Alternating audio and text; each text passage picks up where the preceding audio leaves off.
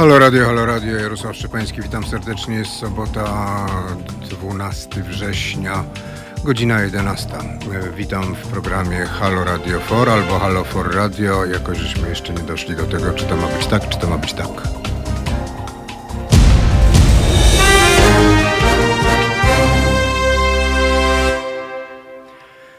Przypomnę, że jest sobota, że jest 12 września, że jesteśmy na antenie Halo Radia, Halo Radio For audycja dzisiejsza, czyli Halo Radio razem z Forum Obywatelskiego Rozwoju. Gośćmi programu są pani Małgorzata Szuleka z, Hel- z Helsińskiej Fundacji Praw Człowieka i Patryk Wachowiec, analityk prawny Forum. Witam Dzień dobry. państwa serdecznie. Dzień dobry. Ja się nazywam Jarosław Szczepański i będziemy dziś rozmawiać o jawności finansowania NGO-sów, o działaniach Unii Europejskiej dotyczących przestrzegania praworządności w Polsce, propozycjach zmian w ustawie o sądach, ale najistotniejsze to będzie planowane zmiany dotyczące chyba Sądu Najwyższego, bo to chyba jest ten, fragment, który jest najważniejszy, ale ja sobie nie daruję nieporozmawiania o tym, co jest dziś rocznicą dzienną akurat, czyli 12 września e, lat temu, wiele osób w ogóle jeszcze nie było na świecie, lat temu 31 e, byliśmy już po pierwszej, czy właściwie po prawie całym przemówieniu premiera Mazowieckiego w Sejmie, który właśnie wygłaszał swoje sejmowe expose y, i przedstawiał rząd. To było o tyle niesamowite wystąpienie, że w mniej więcej w, koło wpół do dziesiątej, po wpół do dziesiątej pan premier ym, przestał mówić, po, po, wypił wodę, a potem jednak przerwał i musiał, musiała być przerwa półgodzinna. I jak e, użył zresztą później sformułowania bardzo, mm, które przeszło do, tak właściwie przechodziło do historii, ono, ono mniej więcej brzmiało tak. Em, Doszedłem do takiego stanu jak polska gospodarka, zażartował. Na sali wtedy wybuchła euforia, owacje.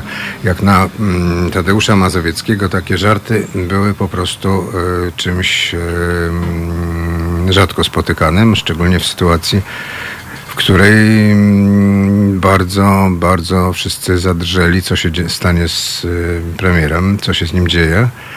I chyba najlepszą reakcją na to, bo premier przeżył i działał później przez następne miesiące, 14 miesięcy, 13.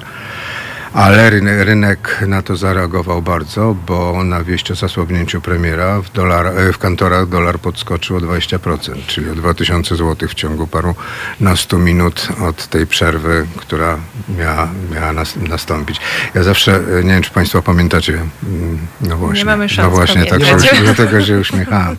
No, ale ja zawsze jak rozmawiam o tym, mm, to y, próbuję, próbuję zadaję takie pytanie różnym ludziom i nie tylko, bo to mi się już parę razy zdarzyło gdzieś tam na jakimś wystąpieniu publicznym. E, takie zadaję pytanie, z kim graniczyła Polska? Ówczesna Polska Rzeczpospolita Ludowa. Nie ma już żadnego z tych państw do tego E, no tak, dokładnie. Tylko Bałtyk się Tylko dostał. Bałtyk. Tylko, Tylko Bałtyk Bałtyk został, został, tak. bo było tak, na północy był Bałtyk, później i na północy było ZSRR, na wschodzie było ZSRR, Czechosłowacja. na, pochód, na południu CSRS, czyli Czesko-Słoweńska Socjalistyczna Republika, Czechosłowacka Republika Socjalistyczna, a na zachodzie było NRD, czyli Niemiecka Republika Demokratyczna, której stacjonował milion żołnierzy radzieckich, mniej więcej. Ja to przypominam, bo to jest e, różni ludzie, którzy mm, dziś bardzo lubią atakować i również atakować e, założyciela foru, który w tym rządzie pełnił bardzo ważną rolę, e, o czym żeśmy już rozmawiali, ale sądzę, że będziemy jeszcze rozmawiać wielokrotnie. To po prostu mało kto sobie, zdając sprawę, zdaje sobie sprawę z tego, e, jaka była w tym momencie Polska, że jednak wybory, pier, wybory 4 czerwca 89 roku, wiem, że to ja za długo gadam, Państwo przyszliście poro- porozmawiać, a ja zaczynam monolog. E, to było, e, w tych wyborach nie uczestniczyło 10 milionów, ponad 10 milionów ludzi. Czyli pier, było to mniej więcej bardzo porównywalne. Znaczy, no na pewno nie ci sami ludzie, bo już przez te 31 lat ileś umarło i się iluś do, doszło do możliwości głosowania nowych. Ale to jest mniej więcej taki sam podział jak e, przy obecnych wyborach, ostatnich wyborach prezydenckich. 10 milionów nie głosowało, 10 milionów na Dudę i 10 milionów na Trzaskowskiego. Tu mniej, troszkę mniej, tu troszkę więcej. okej. Różni bohaterowie dzisiaj mówią, że można było inaczej, że można było całe PZPR wyrzucić od razu, że można było przejąć władzę, zrobić porządek, rozliczyć. A w ubiegłym roku w polityce króciutki fragmencik. 900 tysięcy kierowniczych stanowisk w kraju zajmowali członkowie PZPR, czyli partii rządzącej. Resort Spraw Wewnętrznych, 100% pracowników nosiło legitymację PZPR, dysponował 62 tysiącami milicjantów, 24 tysiącami SB-ków, Służba Bezpieczeństwa, 13 tysiącami zamowców, 33 tysiącami żołnierzy jednostek nadwiślańskich i Wojsk Ochrony Pogranicza. To tak w skrócie dodając mniej więcej 86, 99, 140 tysięcy prawie. Armia miała pod sobą 135 tysięcy samych zawodowych żołnierzy. W, w sztabie generalnym byli również e, oficerowie radzieccy, granice wschodnie bezbronne. No i taka była rzeczywistość, a gospodarka była bez, mm, bez na przykład dolarów, o czym Balcerowicz przy, puścił farbę już właściwie lat temu wiele, ale po, wówczas jakoś wszyscy starali się milczeć o tym, bo była to wielka tajemnica, że po prostu jakby ludzie poszli do banku, chcieli wyjąć swoje dolary, to Straż Pożarna właśnie wyjeżdża e, i to by po prostu nie było nic, czyli byłoby, jak pamiętny pan Kononowicz opowiadał, że nie było niczego i nie będzie nic na pewno i tak wtedy by było. Jeśli ja mógłbym coś powiedzieć tym temacie, to jest, e, no, my oczywiście z Gosią nie mamy prawa tego, tego pamiętać, Pan albo Patryk byliśmy, albo byliśmy kilkuletnimi dziećmi, albo nas w ogóle na świecie nie było i teraz to pokolenie jest też aktywne w życiu publicznym, w życiu politycznym nierzadko. Myślę, że będziemy też o tym mówić w dalszej części. E, No ale takie świadectwa są na pewno ważne, bo to jest oczywiście coraz mniej osób, które to widziały naocznie, które pamiętają te wszystkie, e, te wszystkie niuanse, te, te, te kuluary sejmowe, jak to, jak to wtedy wyglądało, jaka była atmosfera. My w FOR staramy się też te wydarzenia przybliżać i w, w ubiegłym tygodniu nasz e, pana goście, czyli, czyli nasze kierownictwo e, reklamowało e, nasz projekt pod tytułem Muzeum 1800, e, 1989, więc zapraszamy na muzeum 1989.pl. E, Tam staraliśmy się w taki sposób bardzo przejrzysty i bardzo przyjazny dla młodego widza e, dla młodego odbiorcy treści pokazać, jak to wyglądało. Staraliśmy się użyć takich technologii e, trochę moc, mocno współczesnych, żeby pokazać tą przeszłość. Myślę, że, że to będzie dobra reklama, żeby na, na ten projekt zajrzeć. E, Myśmy o tym projekcie mówili, ja zresztą mówiłem o tym, projek- o tym, o tej stronie muzeum 1989.pl, mówiłem już ileś miesięcy temu, e, bo uważam, że to jest bardzo ważne działanie, żeby w ogóle potrafić sobie uzmysłowić. Znaczy nie chodzi mi o to, żeby sobie wszyscy wyobrażali nagle, e, tak jak no, ja powinienem sobie wyobrażać II wojnę światową czy czas przed nią, ale e, żeby sobie potrafili wyobrazić coś, co jest niewyobrażalne, bo na przykład jak się komuś mówi, że e, no, za chwilę ci zabiorą paszporty i żeby przejechać granicę będziesz musiał stać w kolejce, składać podanie i czekać po półtora miesiąca, żeby dostać odpowiedź negatywną, to no przecież mam paszport w, kieszeni w szufladzie, a poza tym na dowód można jeździć, prawda? E, I to, e, to są takie drobiazgi jak ta ciepła woda przysłowiowa mm, Tuska w kranie. Znaczy woda ciepła to była po prostu woda ciepła, ale i ona jest i to do tego się człowiek przyzwyczaja. Podejrzewam, że do 500 plus też się przyzwyczaili ludzie i że nie zauważają tego, że, mm, że to już jest ile? Mniej więcej 400 plus. No. Te 500 plus to tak około 400 bo to, bo to tak mniej więcej jest. Ja tylko przypomnę, że e, jeszcze jedną rzecz przypomnę. E, To, co żeście Państwo w e, cytacie tygodnia w newsletterze forum mm, puścili, że tak powiem, do obiegu we czwartek. Wierzę w dobrą Polskę, wierzę w siłę tej dobrej Polski, bo tyle nam się udało. Nie można się było spodziewać, że tyle się uda, że po prostu niech ręka boska broni. Nie wolno tego zmarnować. Nie wolno tego zmarnować. To mówił przed paroma laty Tadeusz Mazowiecki, nawet właściwie nie przed paroma, tylko przed więcej niż kilkoma, bo jego już nie ma od 14 roku. A i chyba dobrze, bo by mu było mm, ciężko patrzeć na zmiany, które zachodzą od, od jesieni 2015 roku. I, I ja już na koniec tego wątku pozwolę sobie jeszcze jedną rzecz przypomnieć, że e, w wystąpieniu sejmowym 24 sierpnia, czyli w momencie jak dostał propozy- propozycję, ją przyjął Mazowiecki i mm, przedstawiał siebie Wysokiej Izbie i później zabrał się za tworzenie rządu, co wcale nie było łatwą, łatwą pracą. E, on użył takiego sformułowania: mm, Rząd, który utworzę, nie ponosi odpowiedzialności za hipotekę, którą dziedziczy. Ma ona jednak wpływ na okoliczności, w których przychodzi nam działać. Przeszłość określamy grubą linią. Odpowiadać będziemy jedynie za to, co uczyniliśmy, by wydobyć Polskę z obecnego stanu załamania. A powtarzam to dlatego, że późniejsze przerobienie tej grubej linii na mm, grubą kreskę, co się stało przysłowiowe, zupełnie przeinaczenie tego, o czym mówił Mazowiecki w celach wyborczych. E, To zresztą było tworem, e, tworem e, najbliższego wówczas współpracownika Lecha Wałęsy, ubiegającego się o prezydenturę, czyli Jarosława Kaczyńskiego, no i Lecha Kaczyńskiego też, no ale to twórcą grubej kreski był, był właśnie Jarosław Kaczyński. Przejdźmy może do, do tego, o czym mieliśmy dzisiaj porozmawiać, a może najpierw posłuchajmy dla rozluźnienia, tylko nie pamiętam czego. Powiedz. Tak, tym razem e, możemy posłuchać Desert Rose zespołu Sting. Okej. Słuchajcie powtórki programu. Halo Radio.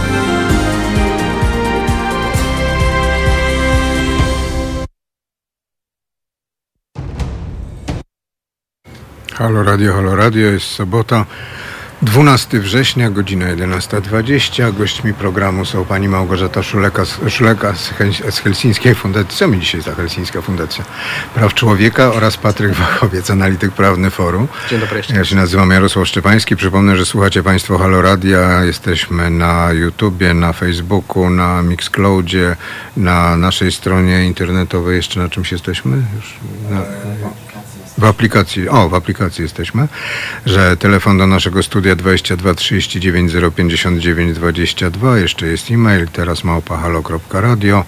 E, No i przypomnę najważniejsze, że jesteśmy medium obywatelskim, które żyje tylko i wyłącznie z dobrowolnych wpłat naszych słuchaczy, czyli jak słuchacze wpłacą, to radio będzie, jak nie wpłacą, to radia nie będzie. E, Pozwolę sobie, e, rozmawialiśmy, to znaczy właściwie rozmawialiśmy, to znaczy to był monolog, to znaczy ja mówiłem, Ale bardzo pouczający. dziękuję, e, o, o rocznicy, dzisiejszej rocznicy sprzed 31 lat, czyli rocznicy ekspoze premiera Mazowieckiego, który wówczas rozpoczynał swoją mm, misję rządu, bo tworzenia rządu rozpoczął w sierpniu. A teraz może przejdźmy do y, tego, mm, czym grożą kolejne propozycje zmian w ustawie o sądach, czyli inaczej mówiąc, czego możemy się spodziewać po mm, spodziewać to ja już wolę nie, się nie, sobie nie wyobrażać, ale czego możemy oczekiwać po pomysłach mm, których ministrów? Wosia? Nie, to Woś to jest od, od tej, Środowiska. od środowiska. Kiedyś Ministerstwo sąd- Sprawiedliwości. Tak, No właśnie, no właśnie. awans poziomy. Tak zwany awans poziomy, tak. Tak. E, No w jego, przy jego wysokości, bo on jest jakiś wysoki dosyć. Mimo wszystko. Właśnie to mi się dobrze zdawało, że on był w sprawiedliwości, przepraszam za wyrażenie, a teraz jest gdzie indziej. Tak, to jest... Bo jakoś mi się tam tak jakoś, jak, no dobrze, nieważne. E, dobrze, no to czym grożą, pierwsze jakie to są zmiany? Mówimy o pomysłach na razie ministra środowiska, tak? Dotyczących finansow... dotyczących... Nie, Gosiu, mówimy o, w sądach. e, o sądach, tak. E, to może ja zacznę. Pojawił się e, kilka dni temu artykuł w Rzeczpospolitej. Ja, ja jako jak na razie jedyny, który mm, te propozycje przedstawia, te propozycje opisuje. Oczywiście jest to wszystko nieoficjalne, jeszcze kuluarowe zapowiedzi, można powiedzieć, na najbliższy sezon polityczny, czyli pewnie Zapowiedzi czy groźby? E, no, dla jednych zapowiedzi, dla drugich zapewne groźby. Em, Jedna kluczowa zmiana dotycząca Sądu Najwyższego to odchudzenie tego sądu mniej więcej do 20-30 sędziów. Obecnie tych, tych etatów w Sądzie Najwyższym jest 125, jak dobrze 127 pamiętam, chyba. albo 120. Nie wiem dlaczego. Ale obsadzonych, czyli, czyli rzeczywisty, rzeczywiście orzekających sędziów jest o 97, więc to miałoby być takie, takie obcięcie tej, tej liczby no trzy albo czterokrotne nawet. Jak to, jak to się uzasadnia, tego nie wiem, ale ja sobie przypominam, jak jeszcze w latach 2016-17 były takie, pojawiała się taka narracja ze strony rządzących, że no, my chcielibyśmy zrobić ten Sąd Najwyższy na wzór amerykański, że tam będą trafiały najważniejsze takie sprawy, e, które, które rzeczywiście są istotne dla, dla całego społeczeństwa i tam taka rada e, tych, tych kilkunastu czy kilkudziesięciu sędziów będzie się nad tymi sprawami e, pochylała, no ale A przepraszam bardzo, ale to chyba ten ktoś, kto to mówił, to tak nie przeczytał historii Stanów Zjednoczonych i nawet współczesnej. Znaczy nie historii, tylko co się dzieje w Sądzie Najwyższym, jak Sąd Najwyższy decyzjami mianowańców już e, prezydenta Trumpa przywala prezydentowi Trumpowi. Ja myślę, że to nawet nie chodzi o to, mówiąc. że nie przeczytał historii Stanów Zjednoczonych. Ja myślę, że nie przeczytał polskiej konstytucji, a już na pewno nie przeczytał, a, a już na pewno chyba nigdy nie był w polskim sądzie, jeśli, jeśli pojawiają się takie pomysły, bo um, znaczy. Po pierwsze, tak jak Patryk powiedział, mówimy o, proje- o projektach, których nikt nie widział. To są jakieś Mówi pani przecieki. Małgorzata Szuleka. To są jakieś przecieki, które ja jeszcze uważam, że należy interpretować w kontekście nadchodzącej rekonstrukcji rządu i to jest takie chyba cały czas napinanie muskułów ze strony Ministerstwa Sprawiedliwości i akolitów e, ministra Ziobry. E, Natomiast już jeśli byśmy się mieli skupić, skoncentrować na, na tym wątku odchudzania Sądu Najwyższego, to ja rozumiem, że w dyskusji publicznej czy, czy w przekazie to można całkiem zgrabnie zaprezentować jako kolejny element walki z kastą, em, e, przywracania szacunku, renomy Sądowi Najwyższemu i tak dalej, i tak. To znaczy tam spin doktorzy e, Solidarnej Polski na pewno będą w stanie to jakoś ubrać. Solidarna Polska, przypomnijmy, to jest partia, którą rządzi i zarządza, stworzył niejaki Ziobro, Zbigniew Ziobro. Zgadza się. Natomiast tak jak Patryk słusznie zauważył, jest 97 sędziów, a dwa, zgodnie ze statystykami Sądu Najwyższego e, w 2018 roku wpłynęło 11 tysięcy spraw i teraz jeśli mamy to na gwałt odchudzić do 20-30 sędziów, to pytanie, moje pytanie brzmi tak, znaczy, to kto tam będzie sądzić i jak w ogóle te sprawy Mm, będą Minister Ziobro. No, no, no dobrze, ale minister Ziobro nie napisze sam wyroku w 11 tysiącach spraw. E, nie zna pani jego możliwości, po prostu siądzie, to ja- napisze. No ja też myślę i myślę, że ambicje ministra Ziobry wykraczają trochę niż pis- poza pisanie wyroków z szablonów. Mm, tak, tu się mogę z panią Tak. zgodzić, tak, Mhm. absolutnie. Mhm. Więc to jest, e, więc to jest pierwszy wątek, który się pojawia. Natomiast wczoraj... Tylko, że te Mhm. ambicje, które on ma, to zdaje się potem już nie będzie trzeba pisać żadnych wyroków, bo po prostu będą decyzje administracyjno-policyjne i po herbacie. Znaczy, no... Jeśli on nie, przejmie no to, władzę. To, to też... No, nie możemy tego, znaczy inaczej, pięć lat reform, tak zwanej reformy wymiaru sprawiedliwości pokazuje, że te, nie da się przejąć pełnej politycznej kontroli nad wymiarem sprawiedliwości. Po prostu to jest nie do zrobienia. Znaczy, inaczej, w teorii wszystko jest do zrobienia, natomiast to też nie chodzi o to, żeby mieć To wpływ po, czym, na to każdą... po czym sprzątał e, obchodzący 90-lecie urodzin Adam Strzembosz lat, 30 lat temu? Tak. A, no, No tak, tylko nie chodzi o to, żeby przejąć em, teraz polityczną kontrolę nad każdym sporem o miedzę czy niezapłaconą fakturę, ale żeby stworzyć takie mechanizmy przyłożenia w konkretnych sprawach, które mogą mieć jakiś polityczny kapitał.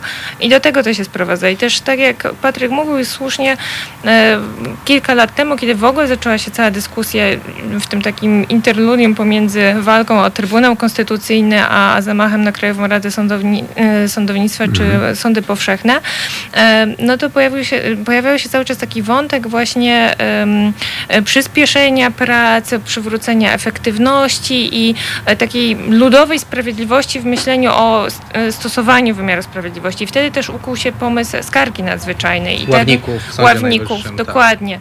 Um, i, I ja bym w tym upatrywała jakiejś kontynuacji e, tej, tej strategii, że teraz e, zmniejszamy liczbę sędziów, natomiast obawiam się, że to doprowadzi no, do takiego zawału organizacyjnego sądu, jeśli to tak ma A wyglądać. może to tak ma wyglądać? Ale myślę, że tam jest, chodzi jeszcze o coś innego. Myślę, że tam chodzi o, tak mówiąc potocznie, wypranie statusu sędziów mianowanych przez nową Krajową Radę Sądownictwa. Czyli zmieniamy cały ustrój Sądu Najwyższego i co za tym idzie, em, zmieniamy też status sędziów, którzy tam zasiadają i tym samym e, kończymy spór na temat em, pewnych... leg- Czy ci sędziowie są legalnie Dokładnie. mianowani, czy nie są legalnie Myślę, że do tego to zmia- No, a że pacjent umrze w trakcie operacji, no to to już są, rozumiem, koszty wliczone. Tak. No Dla, tak. dla niektórych. Mhm. E, I kontynuując ten wątek, e, to właśnie jest oprócz tej, tej zmniejszenia liczby, liczby sędziów, czy sędziów plus członków, e, bo ja takich nazywam w, w Sądzie Najwyższym. Mm, Członkowie sędziowie, to są ci, członko- są przemianowani przez KRS i Tak. dokooptowani, nazwijmy to. Tak.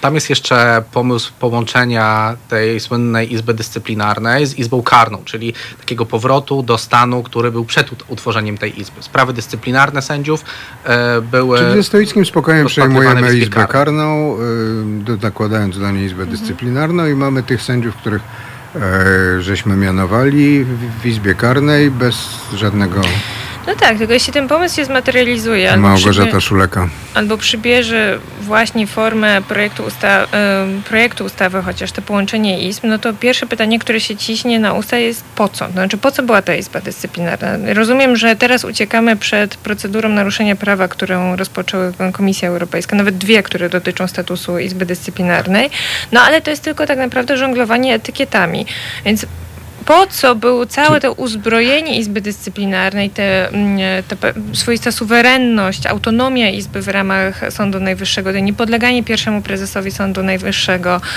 te wyższe wynagrodzenia ławnicy. Znaczy, to, to, to co nie wyszło, panowie, w takim razie? To ja mam odpowiedź e, chyba na to pytanie. To jest taki znak rozpoznawczy chyba rządów populistycznych. Takiego, takie swego rodzaju rozchwianie w niektórych politykach, takich kluczowych e, z ich punktu widzenia. Patryk Wachowiec. Pamiętamy sytuację czystki na przykład w Sądzie Najwyższym, czyli usunięcia tych, tych sędziów przez obniżenie wieku przejścia stanu, w stan spoczynku. E, grzmiano z To, mównicy to sejmowej. zupełnie, przepraszam, że wskoczą, wskoczą y, w tym momencie, to zupełnie odwrotnie niż w Stanach, bo tam przecież sędzia Sądu Najwyższego ma mianowanie Dożywotnie. dożywotnie. Mhm. Dokładnie. E, I e, tam grzmiano z mównicy, że to musi być, e, oczywiście też mocno populistycznie, że to musi być wymiana pokoleniowa, że zrównujemy to z powszechnym wiekiem emerytalnym i tak dalej, i tak dalej. Czyli wszyscy w wieku Jarosława Kaczyńskiego mogą być w Sądzie Najwyższym. Dokładnie. I Raczej a, a odwrotnie. jak się okazało, a jak Raczej się, odwrotnie. Tak. a jak się okazało, tak, a jak się okazało, e, że Trybunał Sprawiedliwości Unii Europejskiej powiedział, przywróćcie ten, ten wiek, to rząd bardzo e, spolegliwie, pomimo tych wcześniejszych komunikatów, dosłownie w kilka dni e, tych sędziów przywrócił do, do, do orzekania. E, Pamiętam, pamiętam też te zawetowane ustawy sądowe przez, przez prezydenta. Tam też, były, tam też były takie propozycje właśnie jak jeszcze inny podział tych izb. Na jak, tam, tam pamiętam miała być Izba Prawa Publicznego i Izba Prawa Prywatnego. To się tak, Tak. jakoś nazywało. I, i, i, był, I było takie urągające, myślę, e, in, inteligencji odbiorców uzasadnienie, że to nawiązuje do tradycyjnego podziału prawa e, znanego jeszcze z czasów prawa rzymskiego. To tam, tam, tam dokładnie taki cytat w uzasadnieniu e, się znajdował. E, innymi Najpierw słowy, To, czy to pisał ktoś, kto wie, że jest prawo rzymskie i potem jest kodeks Napoleona? to przedstawiał poseł Piotrowicz, więc być może jakieś tam, ka, ka, No on tam jest- zajęcia z prawa rzymskiego miał na, na studiach. Mieć. Tak. Ale, ale y, do, do czego zmierzam, podając te przykłady, że właśnie polityka rządów populistycznych y, jest bardzo rozchwiana i y, pokazuje, że właśnie celu święca środki, że tu nie chodzi o to, żeby ten mechanizm, mówiąc kolokwialnie, grał, żeby ci obywatele mieli sprawną usługę publiczną w postaci, w postaci wymiaru sprawiedliwości, tylko żeby osiągać jakieś inne partykularne cele. I też takim znakiem rozpoznawczym jest na przykład przykład odwoływanie się do tych porównań zagranicznych. Mówiliśmy Tak. o Stanach Zjednoczonych. Ktoś mówi, ktoś, czyli Solidarna Polska, Prawo i Sprawiedliwość mówi, ale my mamy KRS taki jak w Hiszpanii, a Ziobro mówi, a ja zaproponowałem komisarz Unii Europejskiej wdrożenie niemieckiego modelu A w sądownictwa. Holandii nie ma. A w Holandii nie ma Trybunału Konstytucyjnego i tak dalej. I to jest taki, e, to jest takie określenie też bardzo znane w środowisku prawniczym e, z angielskiego jak Frankenstate, czyli takie państwo połączone z różnych, z różnych kawałków, czy, czy uzasadniane e, na podstawie różnych rozwiązań za granicą i tak robi się właśnie na Węgrzech i tak się, i tak się robi w Polsce. Ale pamiętajmy, że coś, co za granicą e, istnieje i obowiązuje, niekoniecznie po pierwsze jest słuszne, a po drugie niekoniecznie zadziała w naszych realiach. Pamiętamy sytuację, pamiętamy, albo może znamy sytuację z państw Ameryki Południowej, gdzie słowo do słowa prze, e, przyjmowano konstytucję Stanów Zjednoczonych. Tak. I w jaki sposób to funkcjonowało, wszyscy wiemy. Mówiąc, mówiąc, że ona jest zła. Tak. narzekając na nią. Ja tylko tak, tak mi się coś przypomniało. Znaczy nie to, żebym pamiętał z autopsji, ale już bez przesady. Ale e, o ile dobrze pamiętam, to po 1900, znaczy od 1918 roku, od listopada, jak zaczęto e, tworzyć od podstaw państwo polskie i prawodawstwo, to zaczęto je sklejać z trzech zupełnie różnych systemów prawnych, z prawa e, austriackiego, pruskiego i rosyjskiego. I jakoś udało się to sklecić i to nie trwało pięciu lat. Nie. Nawet z czterech można powiedzieć. Mm, Jeszcze, jeszcze jeszcze tak było prawo węgierskie na No tak, obszarze tak, tak. Spiszu i No Orawy. i tak, i tu mamy, tuśmy E, rozmawiali w, przedwczoraj z Maciejem Wierzyńskim o tym e, właśnie o Węgrzech, które są najbardziej poszkodowane i stąd jest te całe mm, kompleksy i sukces Orbana. No tak, dało się, e, dało się to oczywiście posklejać, ale to też był, e, by- było, to zadanie było tyle ułatwione, że jednak istniały pewne, to też z, powodu, z powodów historycznych, ta, takie właśnie zaszłości związane z europejską kulturą prawną. Wszyscy, e, znaczy w wielu państwach są podobne rozwiązania, wtedy, wtedy też były, więc można było to w różny sposób ujednolicić. Tam głównie chyba chodziło e, o, o prawo rodzinne, bo, bo gdzieś były małżeństwa No i prawo cywilne. kobiet jeszcze. Gdzieś tak, gdzieś były małżeństwa cywilne, gdzieś były małżeństwa kościelne ze skutkiem w, w prawie państwowym, prawda? E, zasady dziedziczenia, e, prawo własności, więc to były jurysdykcja sądów oczywiście, więc, więc to były e, te główne, te główne kwestie. Jak dobrze pamiętam z zajęć na, na, na, na studiach uchwalono Dobrze, takie prawo międzydzielnicowe. To się chyba nazywało. E, ale ale bo, bo pan pije, że, że wtedy się dało to zrobić Tak, szybko, i to a teraz... się dało. No jeszcze tam drugie moje pytanie z tego okresu, że to chyba nie, tego nie robili. mm, żebyście się nie obrazili na mnie, nie robili e, młodzieniaszkowie zaraz po studiach e, przed trzydziestką za to wierni ministrowi Ziobrze, tylko robili to profesorowie mm, ze stażem, z wiekiem być może przekraczającym wiek Jarosława Kaczyńskiego. Ja też praktykujący adwokaci, Praktykujący. notariusze. wykształceni tak, też za granicą, w Wiedniu, ale też w Lwowie na przykład. No, to, to była Wiedeń to taka zagranica dla Austro-Węgier to nie była wielka zagranica Tak. znowu i Kraków. Tak, tylko że wtedy e, e, też nie było takiej kazuistyki w pisaniu prawa wówczas. Niektóre z tych aktów, e, no to już jest dosyć humorystyczne wśród e, studentów prawa, ale niektóre z tych aktów prawnych w dalszym ciągu utrzymają się w obiegu prawo wekslowe, chyba jest jedną z najstarszych ustaw. No, za w- 30 kodeks tak. tak, tak. Tak. Natomiast to mm, myślę, myślę, że jeśli by jakiś parlamentarzystów właśnie z początku lat 20. przenieść e, do Sejmu obecnie, już abstrahując od kultury prawnej, która ewoluowała, może niekoniecznie aż tak się zmieniła, jeśli chodzi o obyczaje parlamentarne, a natomiast e, żeby zobaczyć, do, do, czego zmierzam. Obecnie Sejm mm, doprowadza do znacznej inflacji tworzenia prawa i przecież ta sama, nie wiem, ustawa o Trybunale Konstytucyjnym w ciągu ostatnich pięciu lat była zmieniona ile? 11 razy? Nie, O Sądzie e, Najwyższym była O 11, Sądzie o Trybunale Konstytucyjnym tak Michał- 6 pewnie. Siedem Ja chyba, muszę- jeżeli muszę jeśli wszystkie, wszystkie poszczególne mniejsze zmiany. Myślę, że kolejne zmiany też czekają. Także, y, także tak naprawdę rozwiązujemy ym, problemy, które sami sobie stwarzamy, a nie, myśli, a nie ma w tym myślenia jakiegoś takiego przyszłościowego, strategicznego, nie ma takiej evidence-based policy, czyli nie sprawdzamy, gdzie są największe problemy związane z funkcjonowaniem wymiaru sprawiedliwości i pewnie jakbyśmy zrobili to ćwiczenie na poziomie Ministerstwa Sprawiedliwości, no to ku zaskoczeniu wszystkich byłoby odkrycie, że to nie jest, nie jest problem sędzia kradnący wiertarkę. To oczywiście jest e, przykład naganny, e, natomiast no, jest, nawet nie jest chyba to promil zachowań, jeśli spojrzymy na postępowania dyscyplinarne, które toczyły się zanim wprowadzono te, te zmiany e, sponsorowane przez ministra Ziobra. Więc e, do, do czego zmierzam? Prawdopodobnie będziemy skonfrontowani z kolejnym rozdziałem zmian w wymiarze sprawiedliwości, no tylko tym razem problem już będzie polegał na tym, że nie będzie to dotyczyło bądź co bądź małych sądów, jak na przykład Trybunał Konstytucyjny. O- One wtedy miał, mają potężną wagę taką instytucjonalną i systemową, natomiast e, no, to nie są tak obłożone sądy, jak na przykład sądy powszechne. A tutaj niestety e, ten e, uwaga kieruje się coraz bardziej w stronę sądów powszechnych i, i w stronę tego, w jaki sposób pracują sędziowie liniowi. W tych drobnych sprawach, W tych drobnych naszych sprawach, życiowych. Tych tak najważniejszych dla nas. tych Tak, najważniejszych obywateli. dla nas, bo y, media donosiły nie tylko o tych zmianach w Sądzie Najwyższym, ale również o pomyśle likwidacji sądów apelacyjnych. E, No i to jest, e, no i to jest znowu pytanie, czy, czy ktoś z Ministerstwa Sprawiedliwości był kiedyś w sądzie apelacyjnym, bo łatwo jest powiedzieć, że to jest 11 sądów i to, nie wiem, w skali kraju to pewnie jest 300 do 500 sędziów może. Natomiast też trzeba mieć świadomość tego, jakie sprawy trafiają do sądów apelacyjnych. To, są, to już są tylko sądy odwoławcze od spraw rozpatrywanych w sądach okręgowych.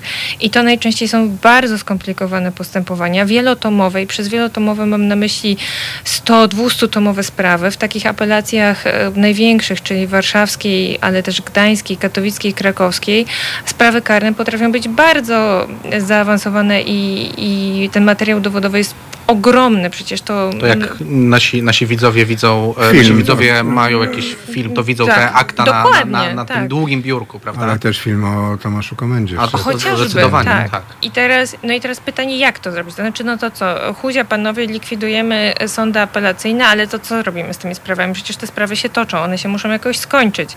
Um, Kto się musi rozpoznać. Kto się musi rozpoznać w sprawach skarnych. No może jeszcze... wystarczy, że minister e, sprawiedliwości powie, że te sprawy teraz odkładamy od kolendas grecas i już.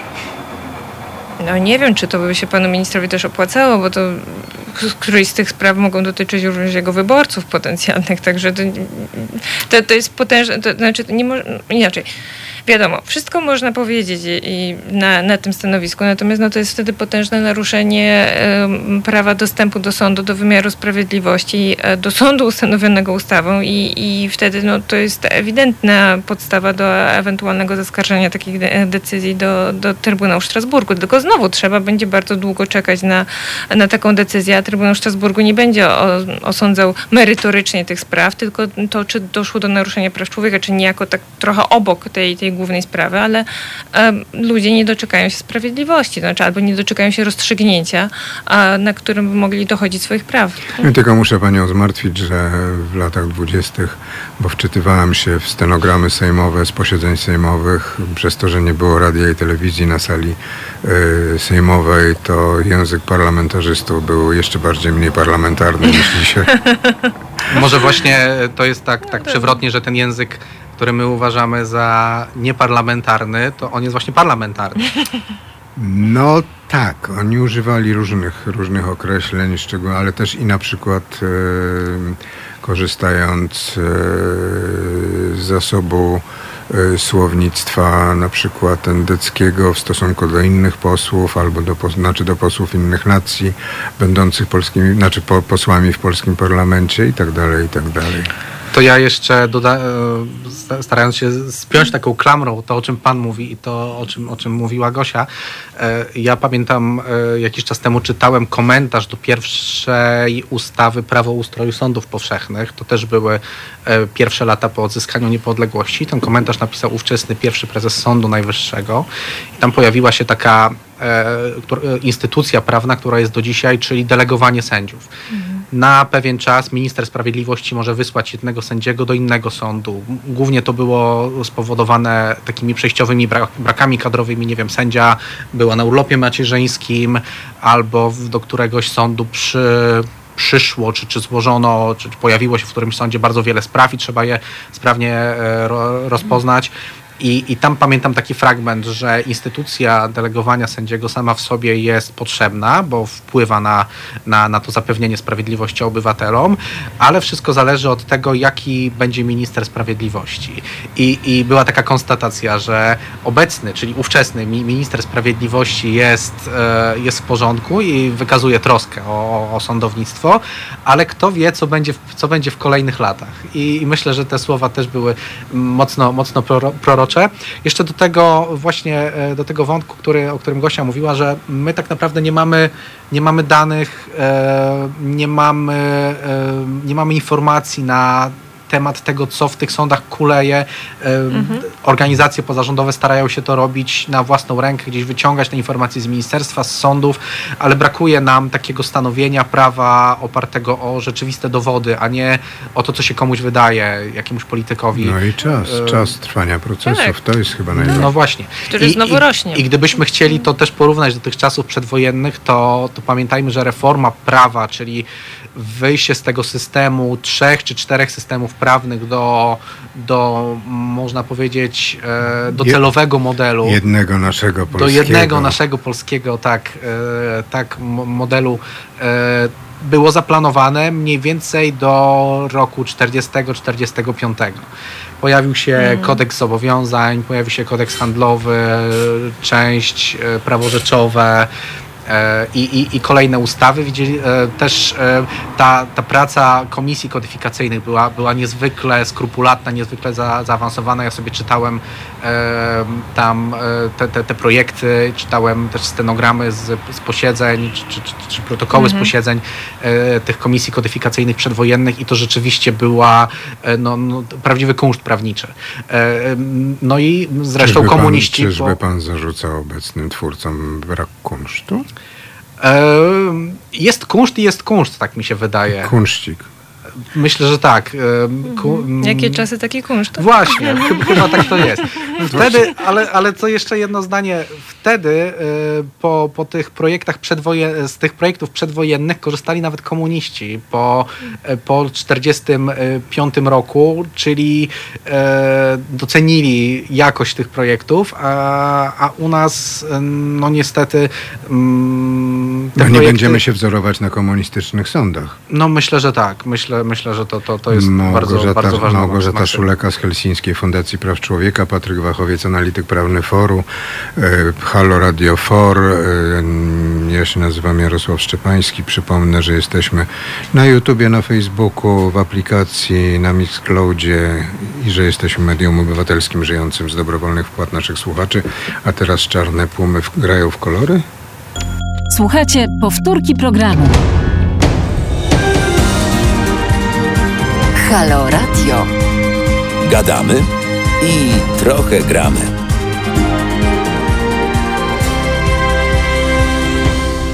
Halo Radio, Halo Radio, Halo For Radio, Halo Radio For. Jesteśmy, jest 12 września, 11, 11.50. Jarosław Szczepański. Gościem programu jest pani Małgorzata Szuleka z Helsińskiej Fundacji Praw Człowieka, pan Patryk Wachowiec, analityk prawny Foru. Rozmawiamy o mm, unowocześnianiu, mm, unowocześnianiu polskiego sądownictwa w wersji ziobrystycznej. E, I e, chciał pan czy pani dodać? To może ja zacznę jeszcze, Dobrze. bo mówiliśmy Pani przed Małgorzata przerwą, Szuleka. mówiliśmy przed przerwą o planach na Sąd Najwyższy, na sądy apelacyjne, ale jest jeszcze taki wątek, który pojawia się e, znowu myślę już od kilku lat on pokutuje, czyli ujednolicenie statusu sędziego sądów powszechnych. Obecnie mamy trzy instancje sądów, mówiąc bardzo potocznie, sądy rejonowe, sądy okręgowe, sądy apelacyjne i w związku z tym też jest związany status sędziego, sędzia sądu rejonowego, sądu okręgowego i, i sądu apelacyjnego. I z tego co wiemy, znowu jedynie z jakichś takich szczątkowych wypowiedzi przedstawicieli Ministerstwa Sprawiedliwości, bez, nie jest to poparte ani żadnym upublicznionym projektem, a już tym bardziej uzasadnieniem tych zmian, pojawia się taki pomysł ujednolicenia z tego statusu, statusu i stworzenia statusu sędziego sądu powszechnego. No i znowu, a w teorii może to i nie byłby taki zły pomysł, żeby... Czyli sędzia jest sędzią. Sędzia jest sędzią. Natomiast e, e, już po pięciu latach obserwowania sposobu przyjmowania prawa i tworzenia tych zmian i pomysłów na wymiar sprawiedliwości, tutaj powinny zapalić się wszystkie lampki ostrzegawcze, dlatego że jeśli zmieniamy status sędziego, to tak naprawdę e, musimy go na nowo powołać. A kto powołuje sędziów? Powołuje sędziów z KRS. Krajowa wokół- Rada Sądownictwa. Dokładnie, w, w stosunku do której jest cały szereg zastrzeżeń, począwszy od powołania jej członków, przez to w jaki sposób pracuje. Ta, ta kwestia statusu KRS była przedmiotem analizy ze strony Trybunału Sprawiedliwości Unii Europejskiej, Sądu Najwyższego, do pewnego stopnia Trzech też... izb Sądu Najwyższego. Trzech izb Sądu Najwyższego, e, do pewnego stopnia też Trybunału Konstytucyjnego, ale to znowu jest dosyć kontrowersyjne. I tym samym, e, jeśli wprowadzamy jednolity status sędziego, musimy tych sędziów powołać na nowo, ale tym samym otwieramy sobie również furtkę do zmiany ustroju um, sądów i w związku z tym możemy weryfikować sędziów, tych, którzy zostają i tych, którzy, których wysyłamy w stan spoczynku, a tym samym również tworzymy też przez efekt skali e, w dyskusji z Komisją Europejską e, stworzymy taką sytuację, no dobrze, no to może i macie jakieś zastrzeżenia do tego, w jaki sposób w Polsce powołuje się sędziów, natomiast my już powołaliśmy ich 10 tysięcy, 10 tysięcy, oni sądzą i teraz jak? Jak mamy to teraz odwrócić? No możemy to sprawdzić na przykład, żeby, żeby jak będziemy wiedzieli, że sędzia, który sądzi w sprawach e, kredytów frankowych, sam ma kredyty we frankach, Mhm. to że on nie może w tym uczestniczyć tego procesu prowadzić, jeśli sam się nie wycofał. Prawda? I tu możemy tak wyczyścić i będzie tak po prostu wtedy wszystko uporządkowane. Znaczy, no, w wizjach Ministerstwa Sprawiedliwości do tego to. Z jednej, znaczy, my tu mamy taką. Takie dwie płaszczyzny tych, y, tych y, y, działań, bo to jest działania w sferze zapowiedzi i działania faktyczne, więc w sferze zapowiedzi oczywiście jest wszystko tak, jak Pan wskazuje, czyli że to ma być szybsze, lepsze, dostosowane do zmieniających się czasów, em, frontem do em, obywatela, który szuka w sądach sprawiedliwości. Ale Natomiast do fu- tego, który, ska, który jest po lewej stronie, czyli tam skarżący czy oskarżony. To już nawet niekoniecznie, bo to już, już ta, aż, tak nie, aż tak nie wnikamy w to. Okej. Znaczy, w- sądy mają działać szybciej, sprawniej i mamy walczyć e, z em, i, i Patologiami patologiami. Tak, ta, takie są, e, tak można zinterpretować intencje e, ministra sprawiedliwości. Natomiast w sferze tych działań, no to one idą zupełnie w kontrze do tego, co jest zapowiadane, czyli wszystkie te zmiany tak jak je rysują się póki co, doprowadzą do ogromnej przewlekłości, do naruszenia zasady niezawisłości i e, niezależności sędziów a, i będą e, też sprzeczne, już chyba mogę zaryzykować to stwierdzenie, ale z zasadą nieusuwalności sędziego. No ja nie mam wątpliwości, że, że tak będzie. Ehm, Rzeczywiście, tak jak mówiła Gosia, pewna, pewna elastyczność w przydzielaniu sędziów do różnych sądów na pewno jest pożądana z punktu widzenia tego, tej, tej, tego zapewnienia sprawności postępowań. Jak wspominałem wcześniej, gdzieś są jakieś niedobory kadrowe, to powinno się W Rzeszowie niedobory kadrowe to można przerzucić To można z Przemyśla ze na przykład wziąć na przykład. sędziego. No, No myślę, nie, że to, to Jeden- rzecz. m, może Jeden w jechał, obrębie dojechał. okręgu. w obrębie okręgu Mhm, albo w tak. obrębie apelacji można, Mhm. można, byłoby ty, e, można byłoby te niedobory w jakiś tam sposób redukować. E, no ale ym, pamiętajmy, że nie, każde narzędzie w złych rękach będzie, nie, będzie nigdy dobrze wykorzystywane i pomni tego, co, co, co robił minister Ziobro i w, za pierwszych rządów Prawa i Sprawiedliwości, a teraz w szczególności. No ja też nie spodziewam się niczego, niczego dobrego po, po takich A niech rozwiązaniach. pan przypomni to, co pan mówił kiedyśmy słuchali tutaj tych czarnych pum, e, bo pan powiedział o tym e, zapisie przedwojennym dotyczącym sędziów. Tak, czyli e, to to był komentarz e, komentarz. pierwszego prezesa Sądu Najwyższego do e, Rozmawiamy ustawy. o latach dwudziestych, 1920. Tak, albo wczesnych 30., jak dobrze kojarzę, Mhm. ale, ale, albo późnych 20. że instytucja delegowania sędziów e, przez ministra sprawiedliwości jest dobra, bo właśnie uelastycznia to całe zarządzanie e, kadrami sądownictwa czy strukturą sądownictwa, ale oczywiście w dobrych rękach. E, Ówczesny minister sprawiedliwości był dobrze oceniany przez środowisko sędziowskie. Nie pamiętam je, jego, jego imienia i to już był car? Nie, to jeszcze nie był car. Nie, chyba nie. Chyba jeszcze nie. E, ale mm, taki sam przepis może być równie dobrze nadużywany przez e, innego ministra sprawiedliwości. I mamy takie przykłady teraz. Pamiętamy chyba wszyscy sprawę sędziego Juszczyszyna e, z listopada. e, Z Olsztyna. z Olsztyna, Juszczyszyna z Olsztyna. e, Z listopada ubiegłego roku i tam i on też był delegowany do, do sądu. On orzekał w sądzie rejonowym w Olsztynie, został delegowany do sądu okręgowego w Olsztynie, więc myślę, że to nawet w jednym budynku e, orzekał. No i tam reakcja ministerstwa była natychmiastowa. On dostał faks, że on jest odwołany z, de, z delegacji. Tu jego sprawy w, ty, w, tym, w tym delegowanym sądzie e, są wyznaczone, trwają i on dostaje faks, faks, nawet nie list. Bez uzasadnienia, jedno zdanie, odwołuje pana z delegacji koniec, kropka. No to wzorem, wzorem Lecha Wałęsy, pamiętnym faksem do Henryka Wójca czuł się odwołany z szefa Komitetu Obywatelskiego. I dostał, i dostał, e, i, i potem e, na, na drugi dzień minister sprawiedliwości był pytany, e, dlaczego to zrobił i, i, i, i tak dalej. No i wyraził wprost, że to było po prostu za wydanie, za wydanie orzeczenia. Czyli dostał taką karę w postaci odwołania za, za, za treść jego orzeczenia. No to jest w państwie y, cywilizacji, kultury Zachodu, no to jest, to jest niedopuszczalne. To, je, to No w tym przypomina- momencie skomentował pan, że państwo Prawa i Sprawiedliwości należy do kultury wschodniej. E, No jeżeli nie zachodniej, to, to, to wschodniej. No tak, może Kultury północnej i południowej chyba nie znam, więc, A więc kulturę centrum na razie można nazwać centrum, ale nie kulturą. tak.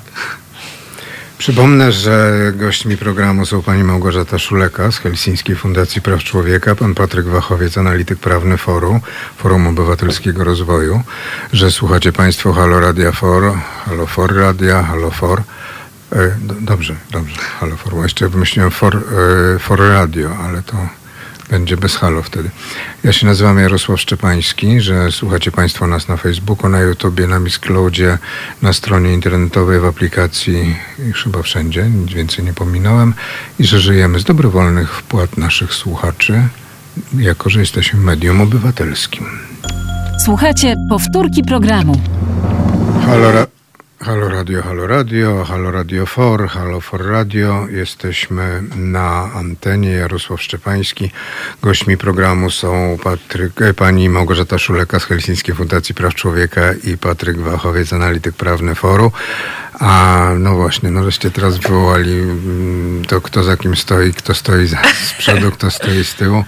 Jedna z gazet pokazała na dzisiejszej okładce mm, kobietę, która się ubiega o urząd, a za nią stoi ktoś, co należy mm, rozumieć, że będzie pociągał za sznurki. To by tak należało rozumieć. Nie, nie mówię jaka gazeta, nie mówię jaka, jaki urząd. Zostawmy te reklamy Nie wiem, jakie są intencje autora. Ale są okładki, bezsensowne. Ale myślę, że mm, Są sz- szkodliwe, szkodzące na pewno tej osobie Bo na to pierwszym zawsze, planie. zawsze takie gdzieś były rysunki takie, tu diabełek wystaje, a tu coś tam wystaje z tyłu i tam ha, ha, ha, ha, ha, ha, ha, ha. No dobrze. Przejdźmy do, przejdźmy do sąd, od sądów, przejdźmy do y, jawności finansowania NGO-sów może. Tak, Możemy? pojawił się Tak. projekt em, no, mniej więcej miesiąc temu. pojawił się i znikł. Chociaż właściwie bezpośrednio po tych sądach to powinniśmy przejść do działań Unii Europejskiej dotyczących przestrzegania praworządności w Polsce i groźby utraty pieniędzy wspólnotowych, nie? Może zrobimy sobie taki przerywnik w postaci Dobrze, te, te, super. tych organizacji Dobra. pozarządowych. Koszula bliższe ciału. Mieliśmy, e, szczególnie, że też e, Halo Radio jest e, E, Organizacją prowadzone przez organizację tak. pozarządową. Fundacja prawda? Obywatelska i nie ma żadnych e, e, dotacji, żadnych e, mm, starań, nie, nie czyni starań o żadne rejestracje w Krajowej Radzie Radiofonii i Telewizji po to, żeby nie mieć nad sobą mm, bata Krajowej Rady Radiofonii i Telewizji. O. Tak, mniej więcej, wracając do tego projektu, mniej więcej miesiąc temu mieliśmy konferencję prasową mm, ministra sprawiedliwości Zbigniewa Ziobry i ministra środowiska Michała Wosia. Obydwaj są działaczami Solidarnej Polski, na której Czyli zaprezentowano... partii Ziobry. Tak, na której zaprezentowano projekt, on się dokładnie nazywa Ustawa o Transparent- transparentności finansowania organizacji pozarządowych. Ale chyba nie ma czegoś bardziej transparentnego jak finanse organizacji pozarządowych, bo to są społeczne pieniądze, które są rozliczane, pokazywane i tam po prostu najbardziej widać, jest najczyściej. No.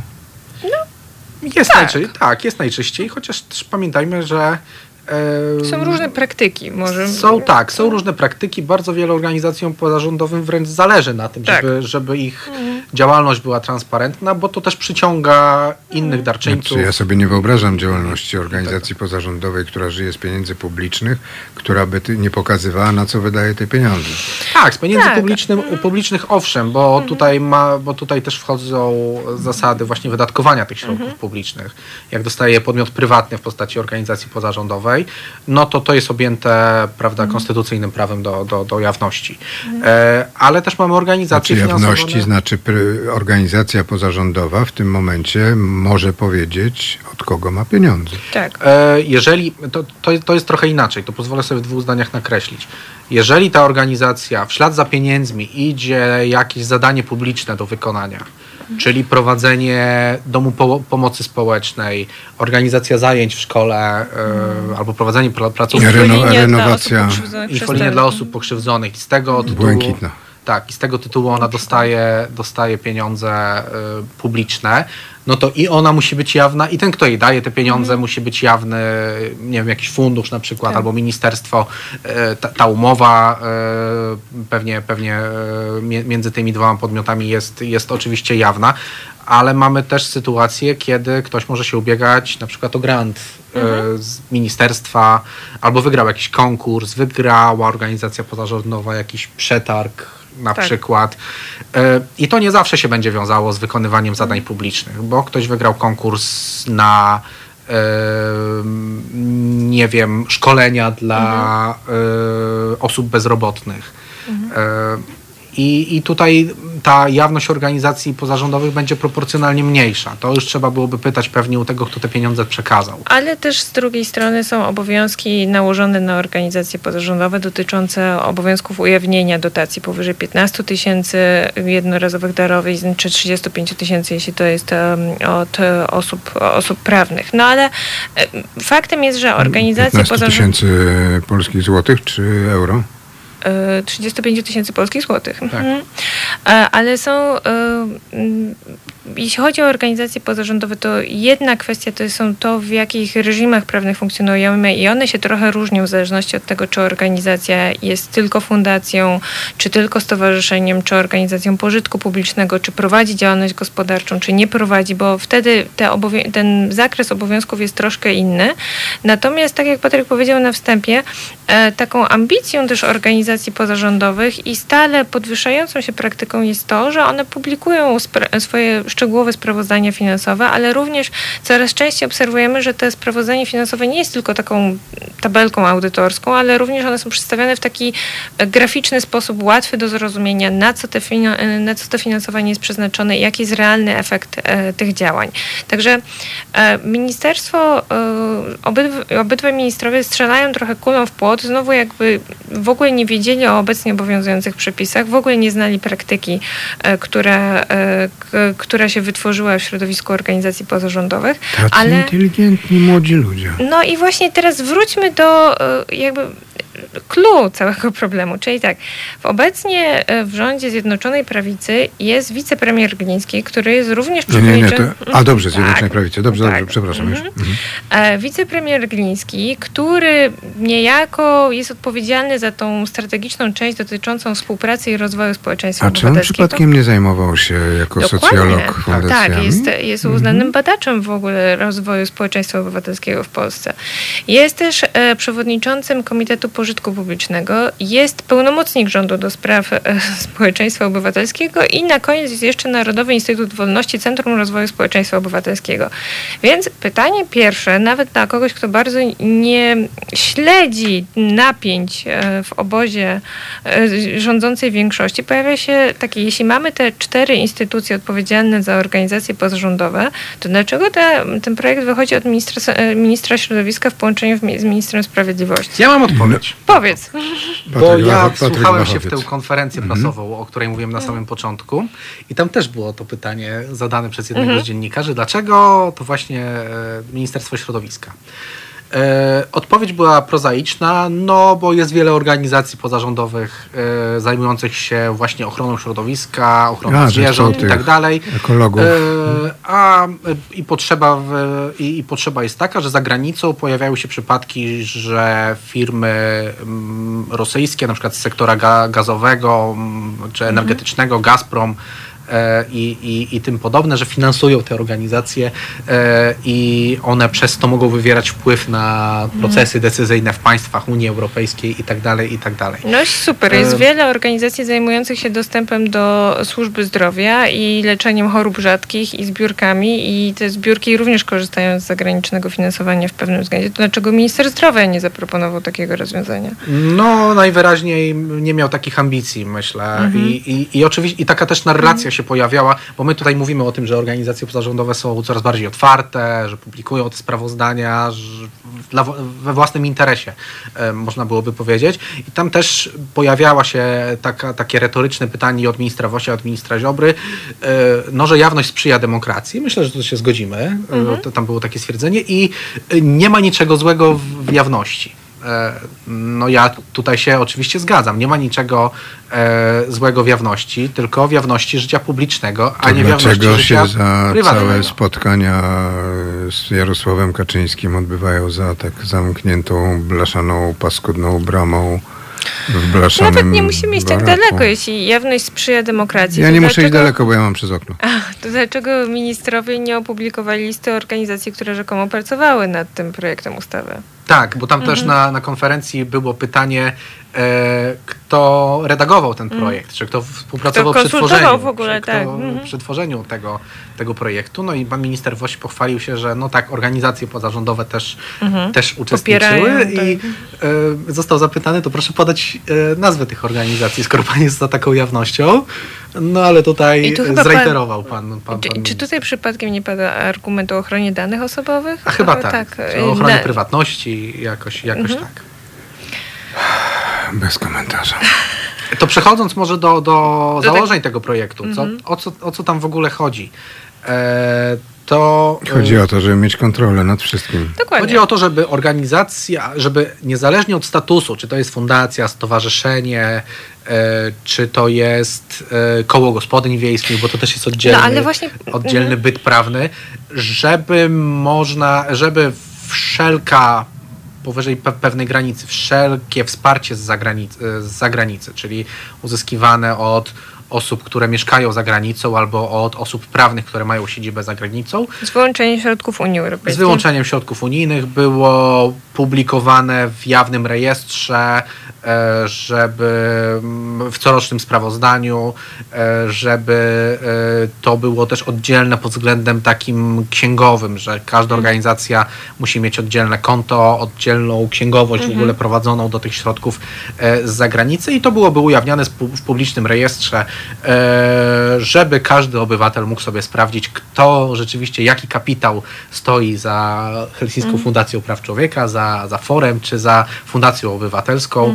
E, No bo założenie jest, za- zapewne założenie jest takie, że no z tym kapitałem to idą konkretne oczekiwania. To E, tak jak z tą niemiecką prasą, która jest własnością szwajcarsko-amerykańską. Tak, jest, tak, tak jest, dokładnie. No i teraz dochodzimy do klubu, bo e, ministerstwo, Małgorzata Szuleka. ministerstwo ogłosiło pomysł utworzenia na wzór węgierski, e, czy nawet amerykański, do tego jeszcze przejdziemy, jak tutaj źle interpretowane są te przepisy amerykańskie, utworzenia wykazu organizacji finansowanych z zagranicy. I e, teraz tak, po pierwsze, to y, pierwszy taki problem w logicznym uzasadnieniu tego wykazu jest taki, że to nie będzie dotyczyło wszystkich organizacji pozarządowych, bo ministerstwo przedstawia to w ten sposób, że te działania są takimi działaniami dla, dla, działaniami dla całego sektora i że już teraz po przyjęciu tej ustawy to wszystko o organizacjach pozarządowych będziemy wiedzieć. Otóż nie, bo tak jak Patryk powiedział, to y, po pierwsze dotyczy nie tylko samego progu wpłaty, która pochodzi z zagranicznego finansowania, ale również udziału tej wpłaty w rocznym budżecie danej organizacji. Z moich szacunków wynika, że to będzie dotyczyło około 25 tysięcy organizacji pozarządowych, biorąc pod uwagę, że w Polsce mamy prawie 150 tysięcy stowarzyszeń i fundacji.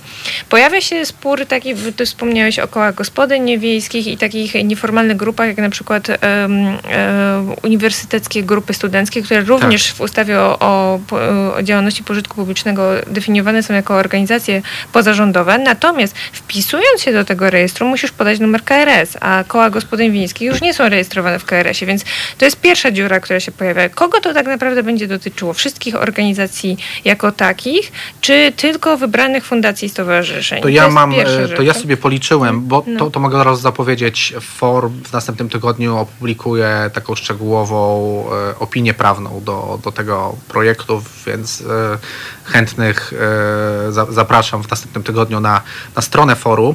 E, tam, Albo żeby... do newslettera.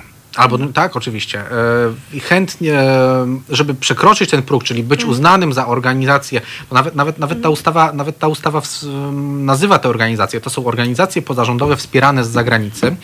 Żeby być taką organizacją, trzeba spełnić dwa kryteria, właśnie finansowe. Pierwszy z nich to otrzymanie nie, już, już panu mówię, nie Sześciokrotności. sześciokrotności minimalnej e, w jednym roku podatkowym, sześciokrotności minimalnej płacy e, w darowiznach z zagranicy, e, czy w jakimkolwiek wsparciu z zagranicy, co na dzisiaj wynosi 15 600 Tak. zł. E, A drugi próg to, żeby te 15 600 zł było e, nie mniejsze niż 10% e, obrotu rocznego fundacji, czyli 150, czyli, e, czyli jak fundacja ma obrotu, prawda, 156 tysięcy tysięcy. złotych, to, to tutaj mamy to, to 10%. E, Więc kwota jest relatywnie niewielka, tak mi się wydaje. e, Ale poczekaj, jest niewielka, ale tych organizacji, które 22% e, wszystkich organizacji trzeciego sektora ma budżet powyżej 100 tysięcy złotych, a tylko 6% powyżej 1 miliona. Czyli, tam tak naprawdę w tych widełkach pomiędzy 100 a 150 tysięcy może być jeszcze kilkaset e, albo kilka tysięcy organizacji, które odpadną z tego progu. Tak. A, no ale znowu, pytanie jest takie, bo mówiliśmy na wstępie o tym, że jest wiele organizacji, które dba o przejrzystość i, w informowaniu o, e, o źródłach swojego finansowania, ale są też organizacje, które spełniają tylko minimalne wymogi w tym zakresie. E, nie będę tutaj wskazywała, bo już toczy się jedno postępowanie na temat e, dotyczące tego, czy można mówić, że jedna organizacja otrzymuje e, finansowanie z pewnego zagranicznego ośrodka władzy. Pewnego e, Wspierającego władzę. z pewnego miejsca, gdzie siedzibę ma tak, e, głowa, głowa państwa, e, wła- właśnie tego państwa. To Dokładnie. tak, No ale mm, ta organizacja, podobnie jak kilka innych właśnie wpływowych 11 organizacji, już nie jest taka przejrzysta, jeśli chodzi o, o źródła swojego finansowania. 11 Więc września pytanie, minęła rocznica li- takiego mocnego upadku tego państwa, stuletnia, nie, ponad stuletnia, 1870. Tak. to państwo Mhm, zostało bardzo mocno okrojone przez Ale po jest prostu włoski fundacja. najazd. Jest fundacja, z, pewna fundacja z Torunia również, która, z którą boję toczy, Mhm. e, być, być może znana panu i, i naszym odbiorcom e, sieć obywatelska Watchdog Polska, zajmująca Mhm. się jawnością życia. Mówi pan o tej fundacji w Toruniu, która Taka z nadaje z łacińską Uralu, nazwą, z Uralu, e, z, Uralu z, z nadajników z Uralu. To Tak. kiedyś Gazeta Polska o tym pisała. Ale to już są takie, jak powiedziałabym, środowiskowe smaczki. Natomiast ja bym tu chciała zwrócić uwagę na jedną rzecz. Patryk, to jest pytanie do ciebie, bo ten, to, że ten projekt jest napisany niejasno, to wiemy. To już przed wejściem na antenę powiedzieliśmy sobie, że już dawno takiego gniota nie czytaliśmy jak, jak to. Natomiast jak ty interpretujesz artykuł trzeci, czyli mówię o wysokości tego wsparcia. Czy to musi być tak, że to jest 15 600 wpłacone tak en bloc, czy to jest suma na przykład pojedynczych wpłat z zagranicy, która sumuje się do 15 tysięcy? Tu jest, tu jest bardzo duży, tu tu jest bardzo duży problem, bo możemy sobie wyobrazić, tak jak Halo Radio, m, czy, czy mogę panie redaktorze na przykładzie Oczywiście. e, Fundacji Obywatelskiej to pokazać, e, prowadzicie państwo zbiórkę na przykład przez internet. Na, No właśnie to, o Tak. czym mówiłem przed chwilą. Tak. Słuchacze, utrzymujcie nas. Właśnie i zachęcamy zresztą do, do, do utrzymywania. Myślę, Tak że jest wiele to. osób, mie, wie, wiele osób mieszkających za granicą, które, Dokładnie. które państwa wspierają. Ktoś wyśle 5 euro, ktoś wyśle 15 euro, ktoś wyśle 10 polskich złotych, 3 I dolary. nazbiera się ten próg. I nazbiera się te 15 600 wpłat e, z zagranicy w jednym roku. Myślę, że to nie jest problem, e, żeby, żeby taką kwotę...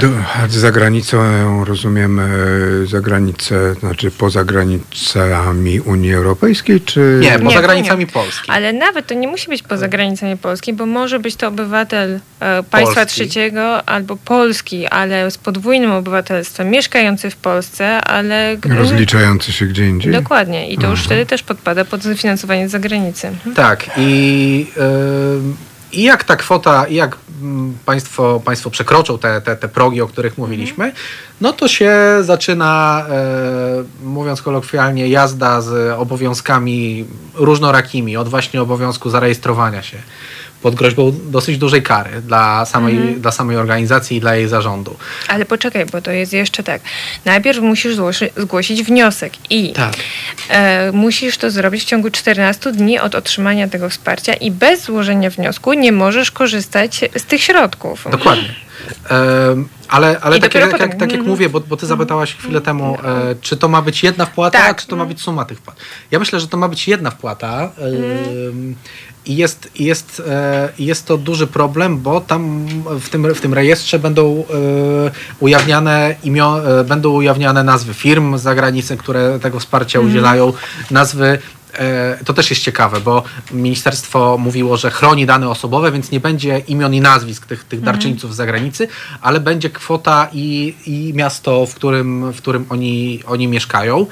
E, Ale to, to wracając jeszcze, jeszcze do tego, zaraz powiem o tym, o tej Ale my na kwestii przykład danych, na, my danych na antenie dziękujemy pani Ani, pani Zosi pod Londynu za wpłatę jakąś tam. Tak, Tylko, ale oni to robią dobrowolnie, prawda? Tak. E, I, I nie mają, e, też ci darczyńcy nie mają z tym problemu, żeby te swoje dane, e, prawda, ujawnić. Ale tutaj, jeszcze, jeszcze wracając do tej, do tej kwoty.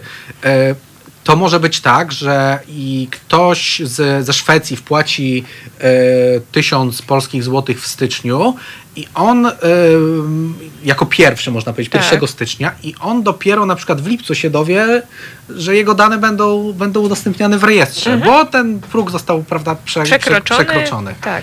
E, więc, więc to jest ten problem. Jeszcze Poza mamy tym- kwestię, mhm. pozwolę sobie jednym zdaniem, tylko mamy kwestię jeszcze ochrony danych osobowych. Mhm. Bo ministerstwo mówi, nie, nie, nie będzie imion i nazwisk, będą same kwoty i same, i same miasta, czyli, czyli miejsca zamieszkania, gdzie, Mhm. gdzie, dana, gdzie, dana, gdzie dany darczyńca, gdzie dana firma, w, przypadku firm to będzie pełna nazwa, ma, ma siedzibę. M, Mamy firmy, w których e, nazwy osób prawnych, spółek, w których jest imię i nazwisko Tak. na przykład.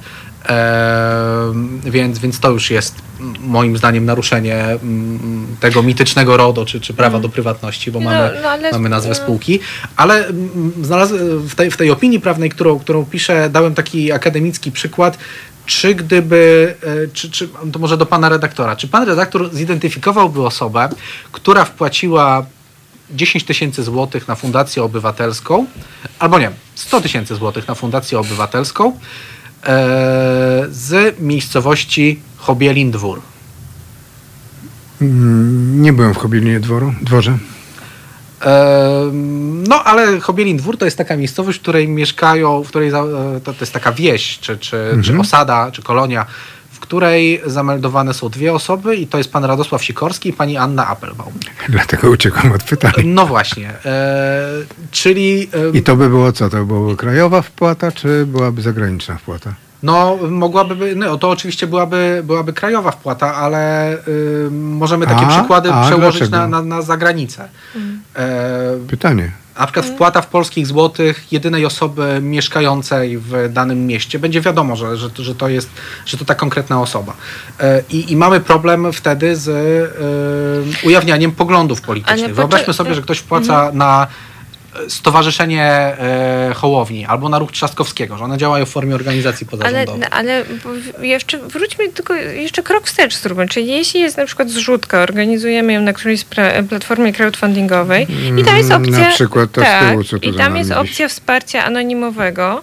A to co, jeśli w, w użytkownik 45 płaca nagle 1000 zł i to y, usumuje się do tej kwoty y, 15 600 zł, to wtedy co ma organizacja zrobić? Szlachetnie zrezygnować z tego tysiąca wpłaty, oddać użytkownikowi i powiedzieć, że nie A, a, przyjmują... wie, a wie komu oddać? No to No nie, no platforma no zarządza tak, tym, tak? To ale wtedy tak. prokuratura wchodzi do siedziby platformy zbierającej pieniądze. A, I no to i- chodziło o i to mamy po prostu. I, w ty, I tym samym Dokładnie. wyrzucamy, I robi wylewamy konfiskatę dziecko z, ko, prewencyjną. z kąpielą i całą e, A zostaje nam ledwo wa- wanienka. osadzoną i ustrukturyzowaną formę zaangażowania obywatelskiego, wspieranie em, inicjatyw oddolnych i obywatelskich również wyrzucamy przez okno e, działaniami em, m, aparatu państwa. Także Ja tylko może dodam, że pewna organizacja, która w, funkcjonuje oficjalnie do dzisiaj, jej przewodniczącym jest pan Piotr Duda, prezesem, przewodniczącym, chyba przewodniczącym e, jest pan Piotr Duda, to ta organizacja, kiedy była mniej legalna w latach 82 e,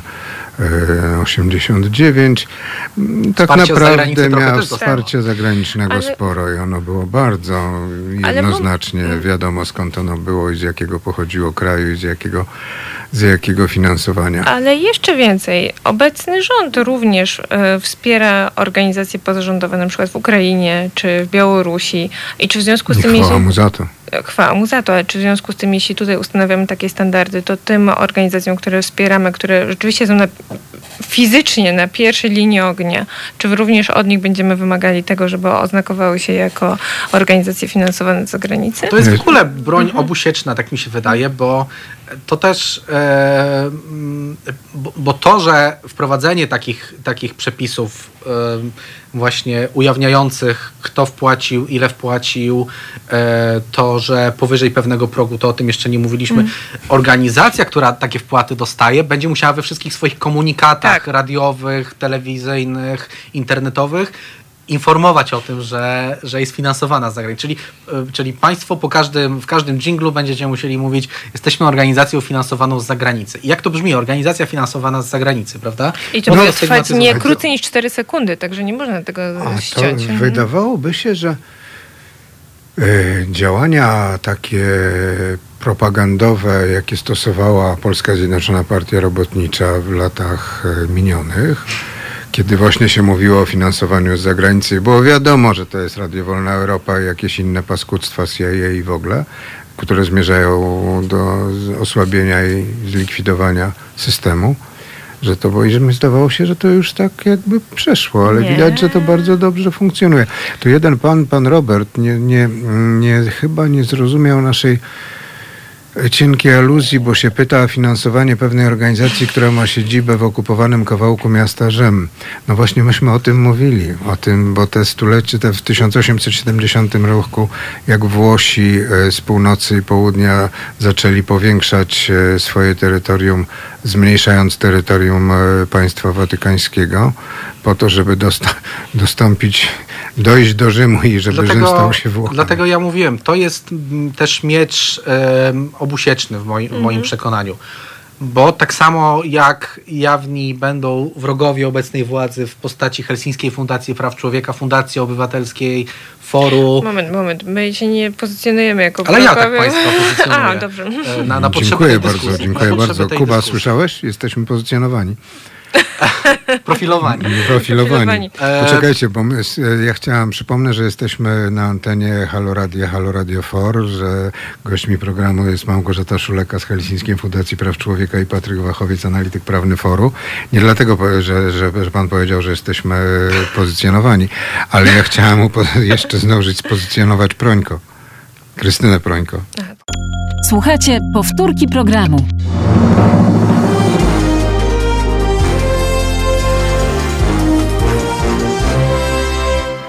Halo Radio, Halo Radio For, Halo For Radio, Jarosław Szczepański, witam serdecznie, jest sobota, mm, 12 września 12, no 12 to już była 12.35.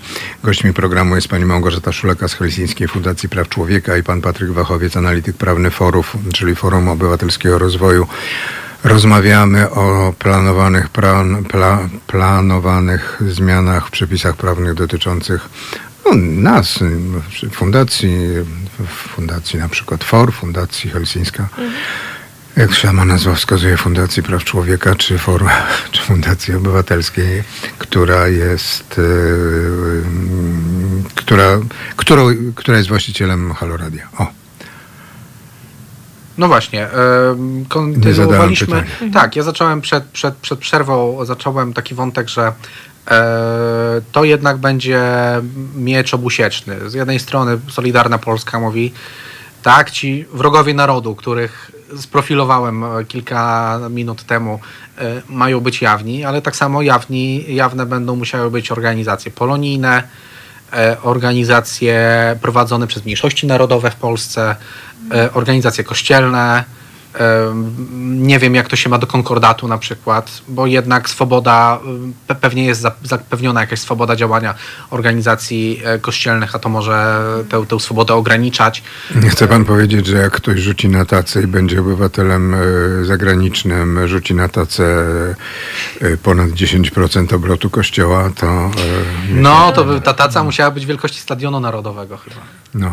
Ale znaczy, bo, to, bo, to, bo to już żartujemy, bo to jedna rzecz to jest związek wyznaniowy, inna rzecz to jest organizacja prowadzona przez związek Tak. wyznaniowy, więc ja bym tutaj nie szła chyba aż tak szeroko, że to Nie, jasna sprawa, ale jest jakieś stowarzyszenie e, prowadzone właśnie przez e, Związek Wyznaniowy, które, nie wiem, organizuje jakieś zajęcia, Tak. wycieczki i tak dalej. No, jeżeli Klub będzie... sportowy Maccabi.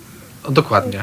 Mm, Kiedyś Maccabi Kraków był taki klub sportowy. No jest Maccabi w Warszawie. Aha, jest tak? Jest. To, to, a przed Malutki, wojną było. Maccabi w Krakowie. Maccabi było w, bardzo wielu miejscach, Tak. w bardzo wielu miejscach była ta organizacja dość popularna. E, Maccabi się zdaje się z Wisłą Kraków e, tłukła. Mm, Stella Maccabi Maccabi, Tel Kraków. Awiw, tak. Tak. E, Mhm. ale, ale obecnie mamy też Maccabi w Tel Awiwie. No tak. Chyba nawet mistrza. Izraela. Tak na marginesie. Co Kościu chciałaś?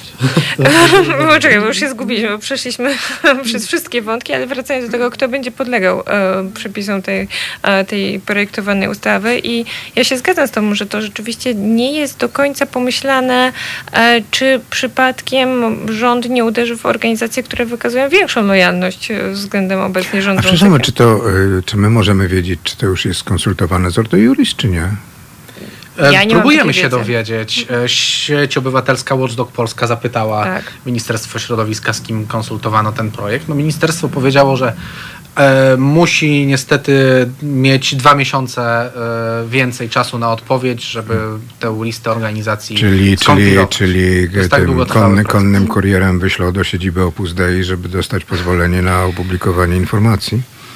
To już jest któraś taka odpowiedź ministerstwa, która unika odpowiedzi na zadane pytanie, bo kiedy minister Woś w maju zapowiedział powstanie takich przepisów, to też poszedł wniosek o udostępnienie informacji publicznej z pytaniem, no to w, w takim razie, drogi ministrze, z kim pan konsultuje? A, i, I wtedy wróciła jakaś taka absurdalna e, odpowiedź, już teraz nie, nie zacytuję z pamięci, natomiast, e, że jest to jakaś nieformalna grupa, czy mm, nie możemy wskazać tych, Pewni kto ludzie. oce- pewni ludzie nie wytworzyli żadnych dokumentów roboczych, więc nie ma za bardzo nic do przekazania, no ale no, prawda czasu, prawda ekranu. Mm, Ze strojem mi się non-formal, non-formal pomyliło. Przeczytam tutaj mm, jedno, jeden komentarz. Dzień dobry, bardzo dziękuję za poruszenie tego tematu w Halo Radio.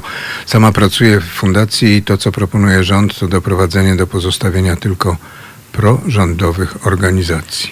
Y, Ja jeszcze wrócę może e, do tego, czym, nad czym ja się skupiłem czytając ten projekt, bo badałem go też z punktu widzenia prawa unijnego. Tak. Em, oczywiście mamy prawo do zrzeszania się, do wyrażania własnych poglądów, do prywatności, mamy ochronę danych osobowych, to też jest ta dziedzina Jeszcze europejska. mamy, jeszcze mamy. Ale mamy też, to, to, to może z pana redaktora działki, mamy swobodę przepływu kapitału w Unii Europejskiej. I em, podobne rozwiązania węgierskie, em, chociaż tam była o wiele bardziej dotkliwa kara, bo tam za uchybienie tym obowiązkom była, była możliwość wykreślenia z, w ogóle likwidacji tej, Rozwiązania, tej tak. rozwiązania tej organizacji. W czerwcu bieżącego roku Trybunał Rozumiem, że podsuwa pan panu Ziobru, e, panu ministrowi Ziobro. tak, e, pro- ro- na do- swój sposób tak, tak, tak, okej, tak to robię. I Tutaj e, Komisja Europejska się zainteresowała i skierowała sprawę do Trybunału Sprawiedliwości Unii Europejskiej właśnie na te węgierskie przepisy i one były konfrontowane właśnie z tą swobodą przepływu kapitału. E, No i e, Węgry mniej więcej powoływały tę samą arg- argumentację, że to są nasze interesy, że tu, że organizacje mają wpływ na działanie państwa, więc e, i nierzadko duży wpływ na, na działanie organów państwa, więc to musi być jawne i kontrolowane. E, A Trybunał Sprawiedliwości powiedział, że nie, że to jest niezgodne ze swobodą przepływu kapitału, bo zniechęca do lokowania tego swojego kapitału w organizacje pozarządowe w Rzeczpospolitej Polskiej. E, to z jednej strony, że zniechęca tych wszystkich z zagranicy i to nie tylko z Unii Europejskiej, ale z całego świata, bo ta swoboda dotyczy wszystkich państw e, na, na, na świecie, można powiedzieć, nie tylko wewnątrz Unii Europejskiej. Czyli ten słuchacz z Las Vegas będzie zniechęcony do tego, e, że do, do wspierania Fundacji Obywatelskiej, bo jego dane mogą się pojawić na, e, na bo, bo on może sobie tego nie życzy, prawda? Może sobie tego nie życzyć, ktoś może No tak, chcieć bo się ci pochwalić, znajomi z Chicago mogą mieć tak. niego pretensje. Dokładnie, dokładnie tak. E, więc to, ale to zniechęca te organizacje pozarządowe do starania się o pozyskiwanie tego kapitału e, z zagranicy, że już nie, bo nie odpalimy zbiórki, nie założymy konta zagranicznego, nie zrobimy jakiejś kampanii i tak dalej. E, więc, a, a, a dlaczego mówię o, te, o tej swobodzie przepływu kapitału? E, no bo ta swoboda... Bo te, bo te przepisy unijne to nie jest tak, że jest jakiś tam traktat i my potrzebujemy te przepisy wykonać na poziomie krajowym, że musimy uchwalić ustawy i tak dalej. Ten przepis działa bezpośrednio, czyli jeżeli fundacja, e, jeżeli minister e, Woś powie, ty fundacjo będziesz ukarana, to fundacja może powiedzieć e, nie, bo ja mam artykuł ten i ten w traktacie o funkcjonowaniu Unii Euro- Europejskiej, on działa bezpośrednio i ja wam nic nie dam. Nie dam wam żadnych, żadnych danych osobowych, nie będę się rejestrował. Dziękuję bardzo.